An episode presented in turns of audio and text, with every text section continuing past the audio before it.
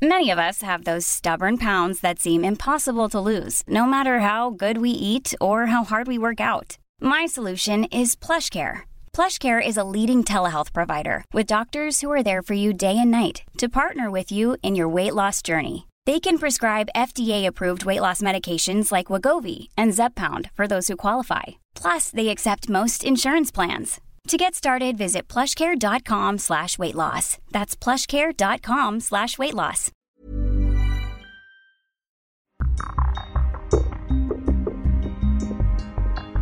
Det är viktigare kanske att jobba med det perspektivet. Vad kan motivera folk att visselblåsa?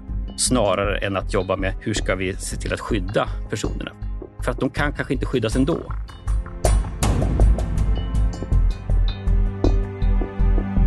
Hej och välkomna får vi säga då till tredje avsnittet av Visselpodden med mig, Mikaela Åkerman.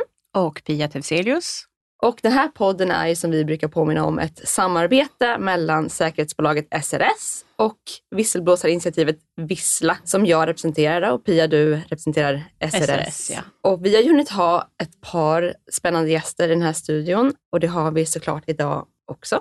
Jag vill hälsa välkommen till Oskar Fredriksson som är jurist och senior utredare på Human and Heart. Vad är det ni gör för något? Du får berätta. Ja, alltså i min roll som utredare då så utreder jag ärenden kring olika typer av ja, missförhållanden i organisationer och det kan vara både inom näringsliv, eh, ideell, ideella organisationer och eh, offentlig förvaltning.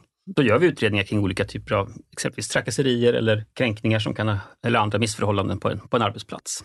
Och däribland även eh, rena visselblåsningar kan ju också vara det som så att säga ger grunden för en utredning. Och sen det som liksom öppnar upp för en utredning, att man behöver utreda någonting genom att man fått en indikation då, genom en vissel, visselblåsning. Mm. Och du skrev ju en väldigt intressant eh, debattartikel i SvD som handlade om eh, visselblåsning och eh, den nya lagstiftningen. Och rubriken på den eh, artikeln var att eh, ett ökat skydd bara liksom är en, en del av lösningen. Ja, man kan ju se på det här från väldigt många olika perspektiv.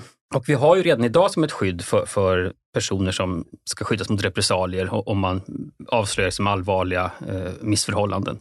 Eh, och nu kommer det en ny lag som lite grann både breddar fokus på vad som skyddas av lagstiftningen. Det vill säga att det blir fler omständigheter som skyddas.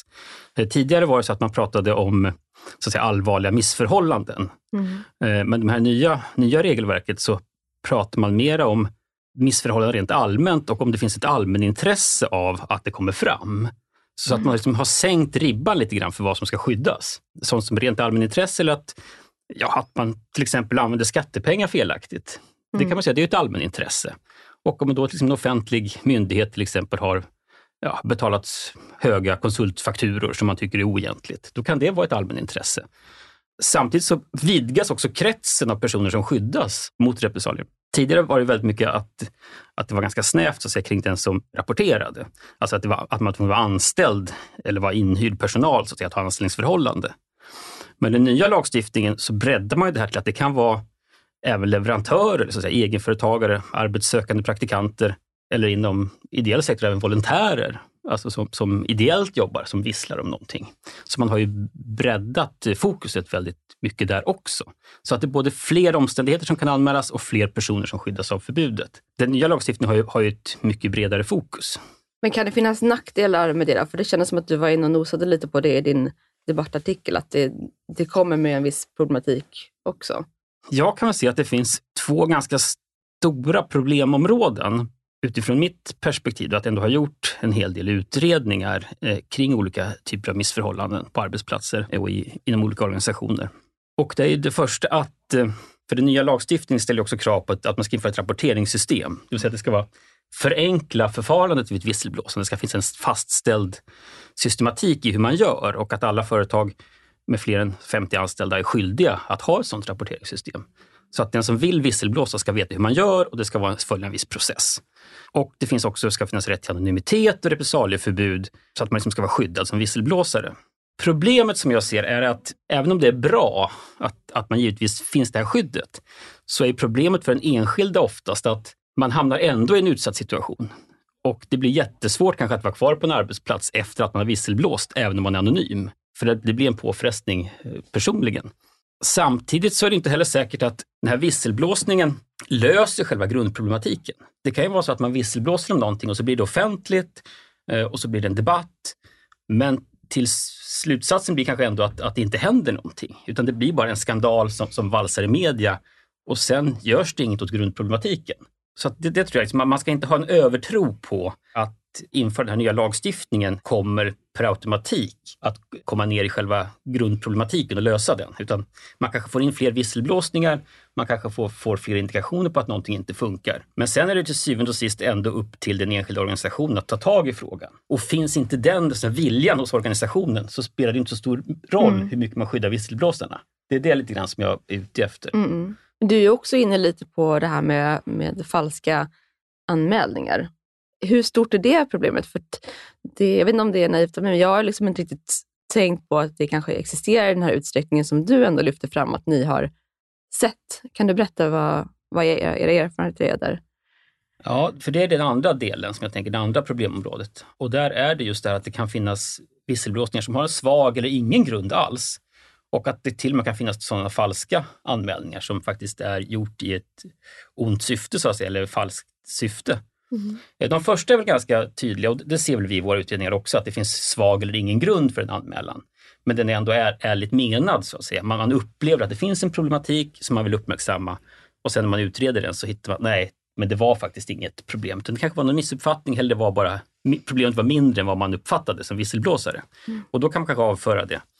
Men det kan ju också vara så att det finns rent eh, personliga agendor för att, för att visselblåsa. Det kan finnas någon form av så att säga, eh, medveten aktivism, så att säga. man vill svartmåla en arbetsgivare av olika skäl eh, för att man tycker att de gör någonting som är fel och man vill driva opinion mot det. Eh, och eftersom att kretsen nu blir större också så kan det finnas många i, när, i, så att säga, i omgivningen där som vill visselblåsa om någonting i ett annat syfte. Det kan också vara så att när det gäller personrelationer och personkonflikter att man faktiskt har som syfte att skada någon annan medarbetare. Det kan ju finnas en infekterad personkonflikt som gör att man visselblåser om någon kollega. Och jag säger inte att det här liksom är, man ska inte, liksom inte, inte överdriva detta. Men man ska heller inte blunda för att det här kommer att ske. För det mm. kan vi se i våra utredningar. Vi har gjort jag tror att jag har ungefär runt 300 utredningar som jag kan överblicka något sånär. Och av dem kan jag väl säga att i hälften av fallen så, så upplever vi att vi finner att det har varit någon form av missförhållande eller trakasserier. I ungefär 35 procent av fallen kan vi inte styrka det, men vi säger att det, men det har ändå liksom funnits goda skäl att göra en utredning. Men vi landar ändå i att det inte har skett någon, så att säga, några trakasserier eller någon kränkning eller några andra missförhållanden. Men de sista 15 procenten av fallen, där, lyft, måste vi ändå ibland lyfta frågan, i alla fall internt och ibland även gentemot uppdragsgivaren, att vi tror nog att, att det kan ha varit ett ont uppsåt i detta, att man har gjort den här anmälan i syfte att faktiskt skada någon annan. Och det är lite obehagligt. Och just, det är just ur det perspektivet som man, man måste tänka det här med rättssäkerhet också. Att bara för att man fått en visselblåsning så har man liksom inte gått i mål. Mm. Bara för att någon har uppmärksammat någonting som skulle kunna vara ett problem så är det fortfarande inte ett faktum. Utan då ställs ju ganska stora krav på att göra en bra utredning av vad som faktiskt har skett. Det kan ju vara så att visselblåsaren har lyft någonting som verkligen är problematiskt och det här behöver verkligen åtgärdas. Eh, och då är det viktigt att man faktiskt går till grunden med problemet och gör en ordentlig utredning och kommer fram till vad har faktiskt skett. Men det kan ju också vara så att det kanske inte finns fog för den här visselblåsningen. Och då är det ju väldigt farligt om man börjar på att agera på ett underlag som man inte har säkerställt om det stämmer. Särskilt om det finns enskilda personer som drabbas av detta. Så, att jag, jag, tror att man ska vara väldigt, ha väldigt mycket fokus på att få in själva visselblåsningarna. Det är i och för sig bra att kan liksom göra att man uppmärksammar problem. Men den stora utmaningen ligger ju i hur man utreder dem sen. Hur tänker du kring det Pia? För ni på SRS, ni tar ju emot sådana här visselblåsningar och utreder dem. Jag håller ju med om att eh, själva händelsen i sig är ju inte, behöver ju inte betyda att vi har gått i mål, så att säga. Utan det är ju när, efter att anmälningen har kommit in, det är ju då det stora jobbet börjar. Det kan ju som sagt eh, vara otroligt komplexa ärenden, särskilt de här visselblåsärendena, i min erfarenhet, har en komplexitet som en, en vanlig utredning inte har. Dels känsligheten i ärendet i sig, för det är ju, man visselblåser ju inte om vad som helst, utan då är det ju någonting som den som anmäler upplever som allvarligt. Och sen är det ofta många inblandade. Eh, en del av dem ska skyddas. En del av dem kan vara höga chefer i en stor organisation. det kan vara politiker, det, kan, det, det blir otroligt känsligt. Så att uh, utredningen blir omfattande. Det känner jag ju igen mig i fr från vårt jobb på SRS. Mm. Jag tänker att den här personen som visselblåser, då, oavsett vad utgången blir, så kan man ju vara liksom utsatt för repressalier oavsett vilket uppsåt man har haft eller hur pass mycket man har haft på fötterna. Eller man löper ju alltid den risken. Jo, nej, jag eh, känner också att eh, skyddet mot den som visselblåser, eh, alltså det kan vara svårt att, att, hålla sig anonym och skyddad hela vägen. Och Det har jag sagt vid tidigare poddar, att eh, min erfarenhet från brottsutredningar visar ju att det är otroligt svårt att, att hålla sig anonym när man väl kommer till tingsrätten, om det går så långt. Eh, vi måste ju veta vem som har sett vad och vem som har hört vad. Vi måste få några fall där vi ser att det, det fungerar eller inte fungerar. Vi får se. Och vissa väljer ju trots allt att, att träda fram med namn som vill inte vara anonyma. Vad är din erfarenhet där, Oskar? De, som kommer, de fall som kommer till er, är det ofta att folk vill vara anonyma eller är man öppen med sin identitet? Vi jobbar ju med en utredningsmetodik där vi säger att vi, vi vill ha full transparens i våra utredningar. Det vill säga att den som har gjort en anmälan och den som är anmäld på något sätt måste få full eh, insyn i utredningsarbetet. Just för att kunna klarlägga fakta så långt som möjligt, vad som faktiskt har skett. Och då kan man ju inte heller ha anonymitet oftast, utan om det är två personer som till exempel sexuella trakasserier, som har, har en händelse, om det, vad har hänt egentligen? Det är bara de två där det blir ju jättesvårt för den som då är anklagad att bemöta de här anklagelserna om den som anmäler kan vara anonym. Alltså, mm. Ibland så måste man faktiskt säga det att, att anonymiteten kan snarare försämra möjligheterna att göra en bra utredning. Ja, det är min erfarenhet också från mitt eh, gamla liv, att eh, någon som inte kan eh, stå för sin eh, identitet får en svagare ställning eh, i slutändan.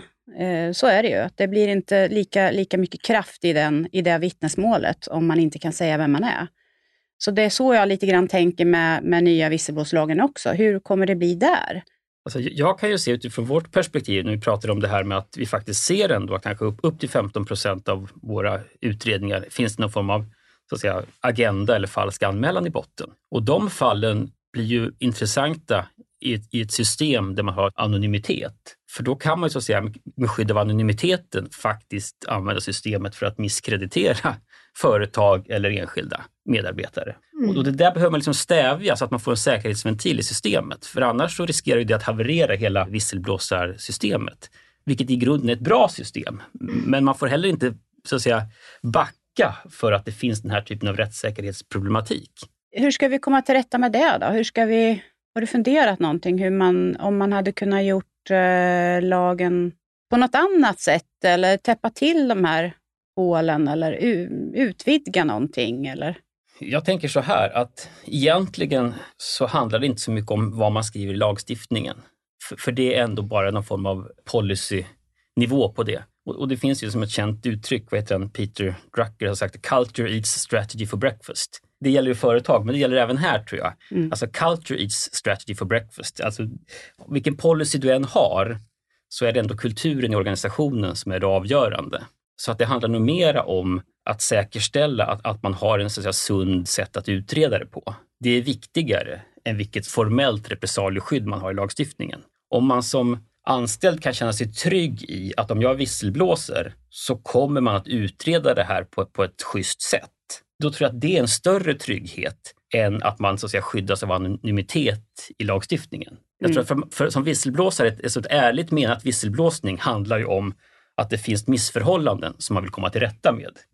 Så det viktigaste för att skapa incitament för en enskild person att visselblåsa, det är att man känner att min visselblåsning kommer att göra skillnad då finns det ett stort incitament att visselblåsa. Det här kommer faktiskt att förändra någonting. Så jag tror att det är viktigare kanske att jobba med det perspektivet. Vad kan motivera folk att visselblåsa? Snarare än att jobba med hur ska vi se till att skydda personerna? För att de kan kanske inte skyddas ändå. Vi har ju många exempel på fall där personer har kommit så att säga, riktigt illa ut som har visselblåst. Och det, det kanske är liksom ganska grandiosa exempel, men jag har Edward Snowden och Anders Kompass. Alltså de har ju fått, eh, eh Snowden han är väl spiondömd tror jag i USA. Han är ju, så att säga, ses ju som, som en en brottsling på grund av det han har visselblåst. Och det var ju ändå bara att han rapporterade om att man hade en hemlig övervakning som inte var ja, rimlig så att säga, mot enskilda medborgare. Och för det blev han då klassad som spion för att han har visselblåst om detta. Anders Kompass har ju visat på att, återigen liksom inom FN-systemet, att det finns en kultur som är korrupt inom själva organisationen som gör att man tillåter övergrepp i fält liksom, av FN-personal mm. eh, mot de som, man, de som är där för att hjälpa, liksom, man begår övergrepp mot dem. Mm. Det är inte det enda fallet. Det finns ju många sådana fall med, med sexuella övergrepp in, inom FN-systemet som man inte förmår att hantera. Så där spelar det inte så stor roll hur många visselblåsningar man får, utan är, är kulturen så korrupt att man inte eh, orkar hantera frågorna så kommer det inte att hjälpa med visselblåsningarna. Utan då, är det, då man, måste man gå över till själva utredningsdelen och säga okej, okay, här måste finnas ett genuint intresse av att utreda och komma till rätta med problematiken. För finns inte det så kommer inte de här visselblåsningarna att hjälpa heller. Du och jag är ju eh, båda två utredare som gör utredningar åt eh, kunder. När det gäller visselblåslagen, du nämnde där lite grann det här med att göra en, en utredning utanför bolaget eller, eller myndigheten. Tror du att det ökar chanserna för att göra en, en bra objektiv utredning och också skapa mer trygghet för, för visselblåsaren? Att man förlägger den här utredningen externt. Så att det inte liksom, nu ska ju alla företag och, och myndigheter med fler än 50 anställda ska ha en intern egen, eller intern funktion står det ju, men den interna funktionen kan ju också vara att man har gett dig och mig i uppdrag, till exempel, att vara deras interna funktion. Men vi står ju ändå utanför så att säga, bolaget. Eh, ökar det chanserna, tror du, för att det blir större trygghet för visselblåsaren till exempel och utredningen i sig blir mer objektiv? Alltså, det beror ju säkert på företag eller kulturen i organisationen. Alltså, en del organisationer förmår säkert att, att distansera sig från frågorna och göra en intern utredning. Å andra sidan så kanske det inte spelar så stor roll hur det att de faktiskt kan det. Utan det handlar mera om kanske eh, upplevelsen. För de som jag träffar som, som är anmälda eller vittnen i ett ärende, eller även den som är anmäld, allihopa brukar oftast vara mera så att säga, komfortabla med att vi, att vi är oberoende. Det är inte för, kanske för att man misstror arbetsgivaren allt, men det, det känns att det, det, är ändå ett, man är ändå vid sidan av. så att säga. Man har inga agendor i utredningen. Så jag, jag tror att just för att få, få en trygghet i själva utredningsdelen så tror jag att det är bra att man är oberoende. Absolut. För den upplevda tryggheten? Ja, det kan jag känna igen mig i också. Att eh, många som vänder sig till oss just av den anledningen. Att det känns bättre därför att det, det upplevs som mer objektivt. Och vi är ju objektiva, så det är ju inte bara en upplevd objektivitet, utan vi vill ju bara få fram vad som faktiskt har hänt. Och sen om det är en känslig fråga och det kanske finns många inblandade, det finns kanske personer på höga nivåer i organisationen som är inblandade, då kan det också för deras egen del och för organisationens egen del finnas ett värde i att det är en oberoende utredning. För om, om till exempel VD eller högste chef är anmäld, då är det ju svårt att säga att man, man har en oberoende intern utredning. Alltså det är svårt för den som är så att säga, intern utredare att rapportera det här resultatet till någon som faktiskt också är anmäld. Utan då får man gå till styrelsen kanske och rapportera resultatet i sådana fall. För att det brukar vi ha som princip när vi gör våra utredningar att den som själv är inblandad i en utredning får inte ha någon del i själva processen.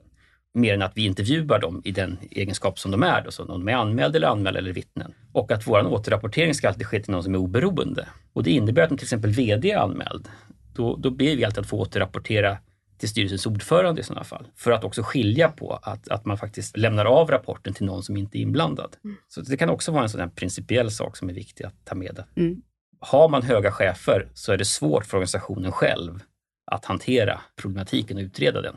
Även om man kan göra det på ett bra sätt så kommer det alltid att kunna sättas i fråga rent trovärdighetsmässigt ändå. Alltså, och det, och det handlar inte kanske om att det faktiskt skulle vara någon otillbörlig påverkan, utan snarare att det kan finnas en misstanke. Mm. Och då brukar också en som en klok VD själv säga att jag vill inte, jag vill inte ha med det här att göra. För jag vill att det här ska vara oberoende. Oavsett vad ni kommer fram till så vill jag inte ha några fingrar med i detta. Och jag tror att det kan vara sunt, ett sunt förhållningssätt. De som anmäler, är det oftast en ensam anmälare eller har ni exempel på där folk går ihop och lämnar in en anmälan, någonting de vill visselblåsa kring? Det är väl både och. Eh, alltså, vi brukar nog göra så här att oftast är det nog en enskild person som har, har gjort en anmälan och det kanske inte alltid är en visselblåsning utan det kan ju vara en annan typ av anmälan. Att man har anmält någon form av trakasseri eller kränkande särbehandling enligt så det vanliga HR-systemet. Det är möjligt att visselblåsa om det också men det kan ju komma in på många olika sätt.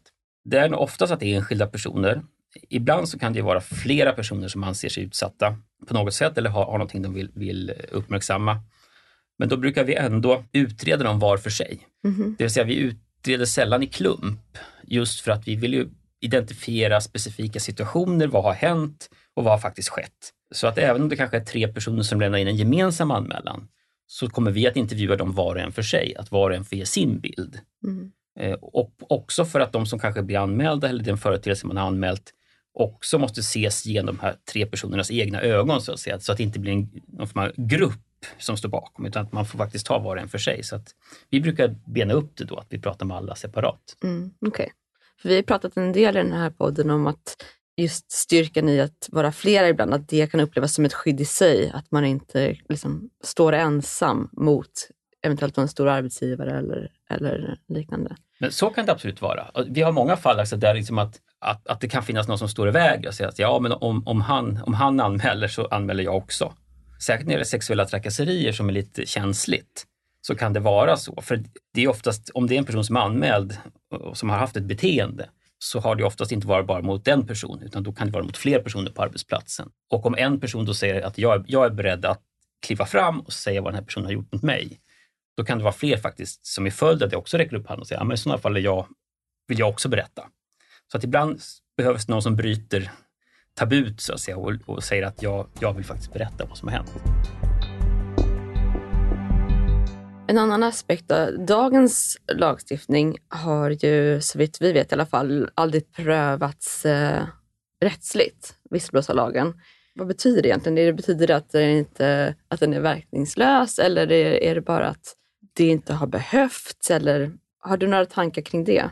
Vi var inne på förut att, att det här med anonymiteten kan vara ett problem just rättsligt om man vill pröva. Liksom. Och, och det kan vi väl flagga för igen, att, att frågan är om anonymiteten ibland gör mer skada än nytta så att säga. Att den ska, ibland skapar den en falsk trygghet hos anmälaren samtidigt som den försvårar möjligheterna att utreda vad som faktiskt har skett. Och indirekt också försvårar, försvårar möjligheten att också bevisa det som anmälaren har visselblåst om. Så att anonymiteten i sig kan också försvåra utredningsarbetet, vilket gör att, att chansen att man kan styrka det som man visselblåser om försämras genom anonymiteten. Och det är ju lite, blir ju liksom en liten bakvänd mm. effekt av det hela som man kanske inte har tänkt på. Man har tänkt att anonymitet som ett skydd, men den kan också bli hindrande för utredningen. Mm. Jag, kan ju, jag kan ju direkt göra kopplingar till eh, vanliga brottsutredningar, framförallt så som situationen ser ut nu med, med den eh, eskalerande organiserade brottsligheten och skjutningarna som vi har i landet nu att vi har ju ett stort problem att få folk att vittna om vem de faktiskt såg som sköt, till exempel. Det är därför vi har så stora problem just nu. Någonstans måste vi försöka hitta någon, någon, lösning på hur vi ska kunna skapa trygghet för den som ändå vill vittna. Och den här anonymiteten, jag har jättesvårt att få ihop det här i huvudet. Hur vi ska kunna dels vara anonyma och sen få en ökad eh, anmälningsfrekvens på visselblåsningar. Jag tycker det är jättesvårt jag tror att, att nyckeln till att få folk att anmäla och göra liksom, lyfta upp handen och säga att det här är något som är fel, det är något som inte funkar, det här behöver åtgärdas. Det är ju att man har en förtroende för att det faktiskt kommer att bli bättre, att man kommer att, att bidra till någon form av lösning. Jag tror att det är ett viktigare då säga, incitament för att få folk att anmäla snarare än att säga att det är en anmäl för du skyddas av anonymitet. Mm. Alltså för det är inte det som folk vill egentligen. Man, man, man vill ju egentligen komma till rätta med ett problem. Och då, då bör man sätta mera fokus på att säkerställa att när man väl gör en visselblåsning, att det utreds på ett väldigt så att säga, tydligt sätt och man får fram en, en bild av vad som faktiskt har skett och att det sker någon form av åtgärd. Men du är mm. inne på något intressant här, för att det sägs ibland att eh, de som väljer att visselblåsa är egentligen de mest eh, lojala arbetstagarna, eller de som bryr sig mest om verksamheten. Ändå råkar de ofta väldigt illa ut. Så det finns ju, det finns ju något olyckligt där i att man blir då drabbad fastän man egentligen vill gott då, om vi tänker bort de här falska anmälningarna som vi var inne på tidigare. Men varför är det så då som företag att man, eh, man tycker att visselblåsning är någonting bra om man frågar? Det är som du har sagt Pia, det är liksom ingen som inte tycker att, att det är en bra grej, men ändå när det väl sker i den egna verksamheten så går det ofta väldigt fel. Mm. Man vill ju kunna visa upp att man har ett, eh, ett friskt och sunt företag. Och man vill inte att det ska läcka ut i media, till exempel. Att det förekommer oegentligheter och det kan vara, som du nämnde tidigare Oskar, sexuella trakasserier. Det, det, vill man ju inte att det ska bli ansiktet utåt för, för ens företag eller myndighet. Och särskilt kan jag tänka kanske myndigheter, där man kan ställa ännu högre krav på den offentliga verksamheten. Och kommer det ut så blir det väldigt, väldigt känsligt. Men jag tycker det var ett intressant fall nyligen eh, på Avanza, när de egentligen själva tog dit hundar som skulle undersöka ifall det fanns eh, knark på arbetsplatsen. Och det var det väl efter att det gick rykten om att det förekom. Och att man eh, själva tog tag i det. Och eh, alltså på kort sikt så kunde det se ganska illa ut, kände jag, när man läste om det i media. Att liksom, eh, okay, knark på Avanza-kontoret. Men eh, på något sätt känns det som att i längden att de kanske kan vinna på att det var de själva som gick ut med att det förekom. Förstår du mm. jag tänker då? Ja, jag tycker, jag tycker precis så. Att eh, då visar man ju verkligen att man, eh, att man tar det på allvar, att man vill ha den här transparensen. Att är det någonting som är fel här, då vänder vi på alla stenar. Vi rättar till och vi förebygger så att det inte händer igen. Och det var ju precis det de gjorde. Direkt tänkte jag att äh, men det här är ju fantastiskt. Alltså jag får ett större förtroende för det här företaget som visar att man tar det här på allvar. Mm. Jo, men jag, jag tror att som krishanteringsstrategi också, det här att sopa saker under mattan är jättedålig krishanteringsstrategi. Och det, det, löser heller inte problemet för att då kommer du säkert att få en visselblåsning kanske om ett halvår igen om samma sak. Mm. Och någonstans så kommer det i längden att sätta en bild av företaget, att här är återkommande problem som man inte lyckas ta tag i. Då är det ju bättre kanske att, att göra en, en ganska mer transparent genomlysning när man får det första gången och säga att okej, okay, vi vänder på alla stenar, vi, vi kollar vad är det för kultur vi har, och så, så gör vi någonting åt den. Istället för att ha det här ständiga droppandet av nya händelser som kommer hela tiden. Mm. För det kommer att på sikt att totalt urholka förtroendet. Och, och lite grann så jag refererade till FN där förut. Och de är inne på, där är vi inne på en farlig väg. Liksom. Man har en organisation som har väldigt positiv status, liksom, som gör väldigt mycket gott, som har, har ett otroligt bra syfte. Men oförmågan att hantera de här eh, missförhållandena gör ju att man stegvis gröper ur förtroendet för hela organisationen som ändå har ett extremt viktigt ändamål. Och det borde man ju som på, på en högsta nivå egentligen säga att det här är skadligt för oss som organisation. Vi måste ta tag i den här kulturen som gör att vi får den här ständiga återkommande eh, problematiken. Vad har du fått för reaktioner på din artikel om du har fått några? Nej, jag har fått mest glada, glada tillrop eh, av detta. Det är nog det här med, eh, när jag pratar om att det kan faktiskt finnas anmälningar som faktiskt görs på falska premisser. När man väl lyfter upp det och börjar diskutera det så inser ju de flesta att ja, det är klart, precis som i alla, alla andra fall, så ibland så kan det vara anmälningar som är ogrundade. Och det är mm. inte så konstigt egentligen, men att man har inte riktigt haft det perspektivet med sig tidigare. Mm. Utan man har tänkt att visselblåsningar är bra och det är missförhållanden och det ska utredas och åtgärdas. Och det är bra att vara snabb och snabbt vidta åtgärder och visa handlingskraft. Men den respons jag har fått är väl att man kanske tänker ett steg till och säger, ah, okej, okay, fast det kanske inte alltid är bra att vara så snabb. Utan man kanske först måste också ha lite is i magen och kunna ta ett steg tillbaka och titta på situationen utifrån och säga, okay, men vad är det som faktiskt har skett innan man, innan man agerar? Mm klassiskt exempel är annars att så fort man får in, bara för att prata sexuella trakasserier förut. Ett sätt kan ju vara att så fort man får in en anmälan så säger man okej, okay, det här är fruktansvärt, vi kan inte stå för detta och sen så kallar man in den personen som anmäld och sen säger man okej, okay, det här är skadligt för oss. Det spelar ingen roll egentligen om det är sant eller inte, men du får gå liksom. Vi, vi gör en uppgörelse och du får, vi talar med ditt fackförbund och du får 36 månadslöner för vi har, vi har ingen grund egentligen, men vi, vi, vill, vi vill skademinimera. Mm. så att tack och hej liksom det är egentligen fruktansvärt mot den enskilde att agera på det sättet. Jag kan, man kan ju förstå att det är någon form av skad, skadehantering i ett tidigt skede. Man tänker att vi, vi, vi, gör det här nu och så slipper vi någon debatt om det. Men det kan nästan vara ändå värre att, att man liksom släpper det här och inte gör någon ordentlig utredning. För tänk om det här kanske inte var en ärligt grundad anmälan i botten. Vad har man då för företagskultur? Liksom? Mm. Så, så, att eh, jag tror att det här att ta ett steg tillbaka, göra en ordentlig utredning innan man agerar är nog jätte, jätteviktigt. Och det är nog mest den responsen jag har fått. just kring det här att, att det kan finnas anmälningar som faktiskt inte är sakligt grundade. Ja, det tror jag vi kommer och vi som, vi som ska ta hand om de här visselblåsningarna efter 17 december här nu, vi kommer nog att, att få lägga en del tid på det.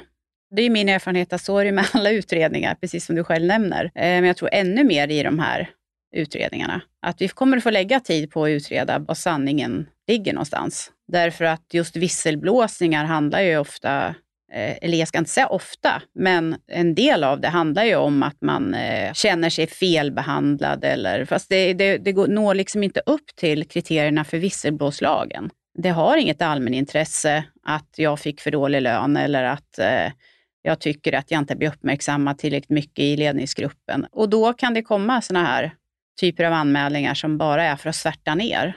Så det tror jag vi måste vara väldigt uppmärksamma på.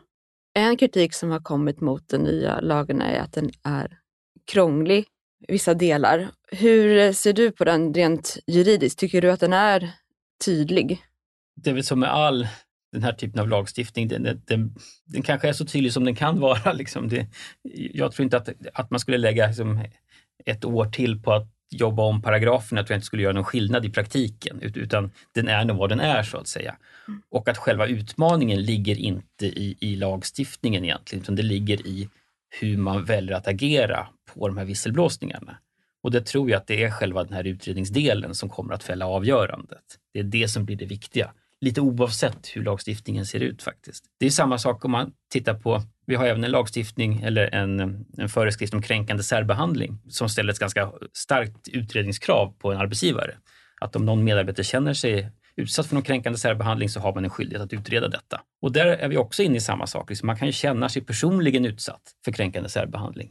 Men när man väl gör en utredning så kanske det inte är i alla fall man finner att det faktiskt är så rent objektivt sett. Så, så jag tänker att den här typen av gråzon, eller vad man ska säga, kommer att finnas i all lagstiftning. Medan en person som kanske har en upplevelse och vad faktiskt man kan enligt så att säga, de rekvisit och den lagstiftning som finns komma fram till att, att det har, om det har skett någon överträdelse eller inte. Och så är det ju alltid. så att säga. Det alltså juridik är ju inte en exakt vetenskap utan det handlar ju mycket om att, att göra en bedömning eh, utifrån de fakta man kan få fram. Och det är klart att man vill ha en lagstiftning som är så tydlig som möjligt men, men jag har inget direkt syn på vad som skulle kunna förändras. Möjligtvis alltså en diskussion kring det här med anonymitet möjligtvis. Alltså att man skulle tagit sig en funderare kring det ett varv till och se vad fyller det för funktion, det här med anonymitet. Är det verkligen så att det bidrar positivt eller är det så att det kanske bara komplicerar eller försvårar att, att få en bra utredningstillstånd? Den här tolkningen av vad som är ett allmänintresse kan jag känna kommer att bli kanske lite knivigt. Sen skriver de ju att de ska jämställa det med, med att det ska vara ett grovt brott. Och det, och det är ju lätt. Det är ju lätt att titta i lagstiftningen vad som är ett grovt brott. Men sen tillkommer ju det här med allmänintresse. Ja, de yes. som lyssnade förra veckan vet att Ulrika Hyllert lyfte just det här eh, med allmänintresse och den formuleringen, att det är ett begrepp som man har använt mycket inom media eh, för att rättfärdiga en publicering och så vidare. Men är det ett begrepp som används inom juridiken också. Om man ska ställa det mot vad det stod tidigare då när det stod att det skulle vara eh, allvarliga missförhållanden. Så klart är väl det kanske på något sätt ändå tydligare. Alltså det är mera begränsat, det är mera inringat. Allmänintresse kan ju bli nästan vad som och det kan säkert också variera över tid vad som är ett allmänintresse. Så, så att det är klart att det blir mycket mera vitt och säkert om man tänker på offentlig förvaltning, vad som är ett allmänintresse där. Det är nästan, kan nästan allting vara ett allmänintresse. Alla typer av beslutsfattande och användning av skattemedel kan ju vara ett allmänintresse. Mm, ja, det är det jag menar. Det, det, blir en väldigt vid tolkning. Vi måste nog ha några ärenden först för att se, få någon slags praxis. Men jag, ser, jag kan se en problematik i det här. Att man man har, sen, sen förstår jag hur, hur, de, hur lagstiftarna har tänkt, att det, det ska ju inte vara eh, en vanlig liten fjuttig visselblåsning, utan det här ska vara någonting som intresserar allmänheten, att precis som du säger Oskar, till exempel skattemedel som har använts fel. Det är väl det som är intentionen. Men sen vi sen som ska sitta och bedöma det här när vi får in ärendena och göra eh, en, en tolkning av det allmänintresset. Det, det är vi som, som får tänka till lite där. Om man ska sammanfatta, nu vill inte jag lägga ord i mun på dig, men det är bra med ett stärkt skydd eh, och ny lagstiftning, men med liksom vissa förbehåll. Ja, kanske inte förbehåll för skydd, alltså det är väl bra att det finns ett starkt skydd, och att, men jag tror inte man ska ha en övertro på vad en ny lagstiftning kommer att göra för skillnad. Den kan liksom vrida på förutsättningarna, så att man breddar fokuset på, på vad man kan anmäla, man breddar fokuset på vilka som skyddas mot repressalier eh, och man ställer krav på att det ska finnas rapporteringssystem. Alltså det, det, som, det kan säkert bidra positivt. Eh, däremot blir den stora knäckfrågan, vad gör man av de här anmälningarna när de väl kommer in? Mm. Så men den stora frågan är, hur pass bra kommer man vara på att utreda vad som faktiskt har skett? Och sen utifrån det göra en åtgärdsplan, eh, liksom, vidta åtgärder. Jag tror att det är det som är den stora grejen. Så, så, så, så länge man inte kan säkerställa att det, det sker en, en, en som bra utredning som också en visselblåsare känner sig bekväm i och eh, där man också så säga, vidtar åtgärder sen. Jag tror att det där, där är den stora, stora utmaningen. Och det löser man inte med, med, med liksom att ändra lagstiftningen, utan det är någonting annat. Och där handlar det till syvende och sist om någon form av företagskultur. Hur beredd är man att utreda missförhållanden och åtgärda dem? Eller vill man hellre försöka sopa det under mattan? Och då kommer det inte att hjälpa med hur mycket, hur stark liksom policynivå man har på visselblåsningslagen, eh, hur, pass mycket, hur man skriver den. För om det inte finns en vilja i grunden inom, inom organisationen, om det inte finns en, en kultur att man vill åtgärda problemen, så kommer det inte att spela så stor roll. Så jag tänker att utredningsdelen är den viktigaste delen för att komma till rätta med de så säga, missförhållanden som, som uppmärksammas. Ska det få bli slutorden kanske? Ja, jag tycker det blir bra. Tack vi... för väldigt eh, spännande insikter. Vi har sagt det tidigare att eh, ju mer vi eh, gräver i det här desto mer frågor får man nästan. Det finns många stenar att vända på. Mm. Det är jätteintressant och framförallt din uh, stora erfarenhet av, av utredningar. Tack så mycket. Mm. Tack. Och tack till alla er som har lyssnat på oss. Vi eh, finns som vanligt eh, att eh, få tag på, framförallt kanske då via våra sociala medier. Vissla finns på Instagram, LinkedIn och Twitter. Vi har även en hemsida, dagsattvissla.com och SRS. Pia, vad hittar man er? www.srsgroup.se och LinkedIn hittar ni oss på också. Där har jag också några korta informationsfilmer där jag berättar om visselblåslagen, några korta avsnitt. SRS Security och eh, även eh, om ni googlar fram oss så, så hittar ni oss även på webben. Ja, vi kan ju säga det. Har ni frågor eller eh, ämnen kring visselblåsning som ni tycker att vi ska lyfta i den här podden så hör jättegärna av er. Det ser vi fram emot. På återseende då. Hej då! Hej då!